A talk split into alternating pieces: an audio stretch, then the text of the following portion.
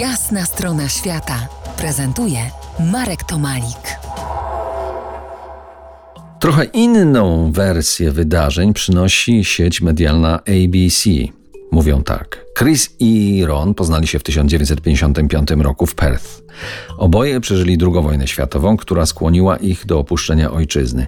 Krystyna i Ron pobrali się wkrótce po tym, jak się poznali. Ron w Australii zajmował się poszukiwaniem złota. I teraz najciekawsze. Pewnego dnia, gdy byli nad rzeką, córka Krystyny Barbara brała kąpiel i została zaatakowana przez krokodyla. I teraz tutaj cytat. Mój brat wyszedł, zobaczył to i krzyknął: Barbara, krokodyl! A mój ojciec chwycił za karabin i strzelił mu w oczy, powiedział syn Krysi, Jerzy Pawłowski.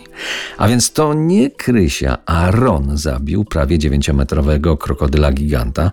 Coś jednak na rzeczy z odwagą Krysi i napędem do krokodyli oczywiście było. ABC podaje, że szybko okazało się, że Krystyna, która przed przyjazdem do Australii nie używała broni, ma do jej użycia wybitny talent. I tu padła liczba. Polska imigrantka miała zastrzelić aż 5 tysięcy krokodyli, chybiwszy tylko trzy razy w życiu. W Zatoce Karpentaria upolowała krokodyla, który mierzył 8 metrów i 63 centymetry. Gad był tak duży i ciężki, że nie udało się go nawet oskurować i został tam na brzegu. Ron i Krysia byli tam tylko po to, by go zmierzyć i zrobić mu zdjęcia. Rekord Krysi miał nawet trafić do księgi Guinnessa. Para myśliwych zasłynęła w całej Australii. Kobietę zaczęto nazywać One Shot Chris.